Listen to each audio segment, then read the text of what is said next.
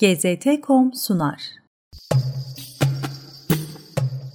Kudüs Tarihin ve coğrafyanın kavşak noktasında bir şehir. Tarih boyunca hiçbir imparatorluğun görmezden gelemediği, her komutanın rüyasını süsleyen bir şehir. Kurulduğunda ismi Darüsselam yani selamet yurdu olsa da uzun serüveni boyunca barışı ve esenliği nadiren bulabilmiş bir şehir. 52 defa saldırıya uğrayan, 44 defa el değiştiren, 23 defa kuşatılan ve iki defada taş taş üstünde kalmayıncaya kadar yıkılan bir şehir. Zaferlere de, hezimetlere de şahit olan, fatihlere de, zorbalara da kapılarını açan, bağrında kahkahalarla gözyaşlarını aynı anda taşıyan bir şehir. Yahudiler, Hristiyanlar ve Müslümanlar için aynı anda kıymetli, aynı şekilde vazgeçilmez ve yeri doldurulmaz bir şehir. Mescid-i Aksa ile ağlama duvarının omuz omuza kıyame kilisesini seyrettiği, bütün insanlığın da gözlerini bunlara diktiği bir şehir. Ve yaşadığı onca şanlı hatıradan sonra bir kez daha işgalle, acıyla ve sabırla sınanan bir şehir. O Yoruşalim, o Yebus, o Alia Capitolina, o İlya, o Kudüs. Kıyamete kadar tarihin ve coğrafyanın kilit taşı olarak kalmasına hükmedilmiş, ondan vazgeçenin bütün iddialarından da vazgeçmiş olacağı Kudüs. Dünyaya hakim olanın elinde tuttuğu, elinde tutanların da dünyaya hakim olduğu Kudüs.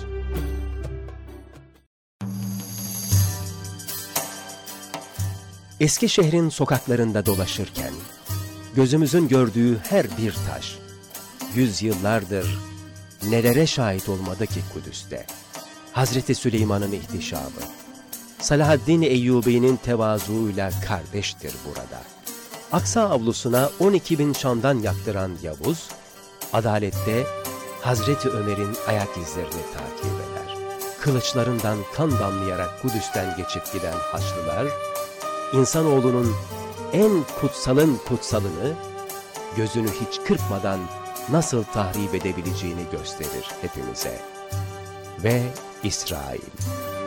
Vaktiyle zulme uğramış bir milletin eline güç geçtiğinde adaletten saparak en acımasız hikayeleri yazabileceğinin örneğidir. Kudüs'ü izlerken onu kahramanları ve hainleriyle, adaletli hükümdarları ve zalim istilacılarıyla, zaferleri ve hezimetleriyle, acıları ve sevinçleriyle birlikte görebilmelisiniz. Kudüs, tam olarak bütün bu iniş ve çıkışların toplamıdır çünkü. Her bir taşı ve duvarı, bağrında nice hatıraları saklar. Taşlarla ve duvarlarla konuşmayı öğrendiğinizde Kudüs'te, insanlığın uğruna kavga verdiği şeylerin özetine de vakıf olursunuz. Kudüs'ün tarihini adım adım izlemek, onun taşlarını konuşturmanın da ilk adımıdır aynı zamanda. Beyt-i Makdis'i, Kabe'den sonra yeryüzünün ikinci büyük mescidi olarak inşa ettiren Hazreti Süleyman'ın kudret ve hükümranlığını canlandırmalısınız gözünüzde. Allah'ın muradıyla meleklerin işaret ettiği yerde yükselen mabedin inşaatını izlerken, Süleyman'ın dudaklarından dökülen dua ve şükürleri duyabilmelisiniz. Kudüs'ü işgal eden Babillilerin acımasız gözlerindeki şimşeklere odaklanmalısınız. Kudüs'ün şahit olduğu ilk büyük yıkımı, Beyt-i Makdis'in taş taş üstünde kalmayıncaya kadar yerinden sökülüp devrilmesini, Yahudilerin Babil sürgününü, ondan sonra yeniden Kudüs'e dönüşlerini hayal etmelisiniz. Ve Beyt-i Makdis'in ikinci kez inşasını. Bu defa Hz. Süleyman'ın bir peygamber olarak vaz ettiği ilkelerden epey sapmış bir toplumun, binayı mabet olarak kendilerine tahsis edişini düşüneceksiniz. Mesih'in diriltici nefesinin Kudüs üzerine esişini duyabilmelisiniz ardından.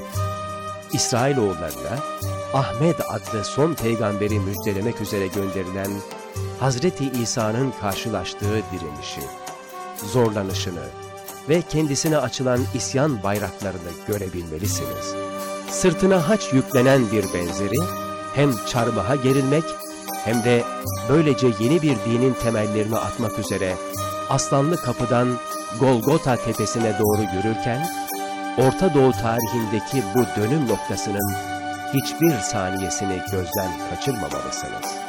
Yahudilerden ve Yahudilikten nefret eden pagan Roma'nın insafsız valisi Titus'un, Kudüs'ü öfkeli gözlerle izleyişini hatırlayabilmelisiniz. Ardından gelen yıkım emrini işitebilmeli, Beyt-i Makdis'in ve Kudüs'ün bu defa toprağın altındaki temellerine kadar yıkılıp yok edilmesini tefekkür edebilmelisiniz. Yanında üç kişi ve bir hizmetlisiyle başkent Medine-i Münevvere'den şehri teslim almaya gelen adaletli halife Hazreti Ömer gelmedi gözlerinizin önüne. Şehrin Hristiyanlara sağladığı tam özgürlüğü, kendisinden sonraki Müslümanlar hassas davranmaz diye Kıyame Kilisesi içinde namaz kılmaktan kaçınmasını, Beyt-i Makdis'in yerini sormasını ve sonrasında inşaatında kendisinin de çalıştığı ilk mescidin inşasını tahayyül edebilmelisiniz.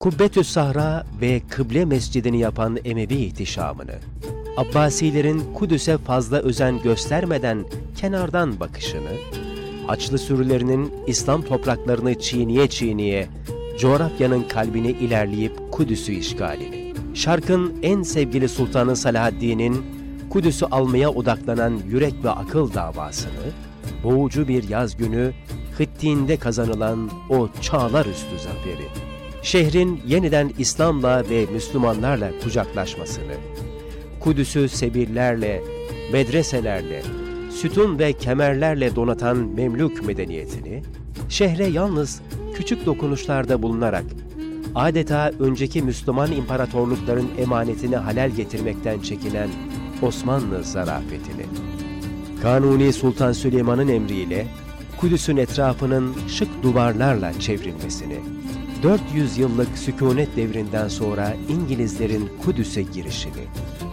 sancılı manda döneminin ardından Filistin topraklarında İsrail'in kuruluşunu, kısacası günümüze doğru devam eden yürüyüşün her aşamasını bir çırpıda aklınıza getirebilmelisiniz.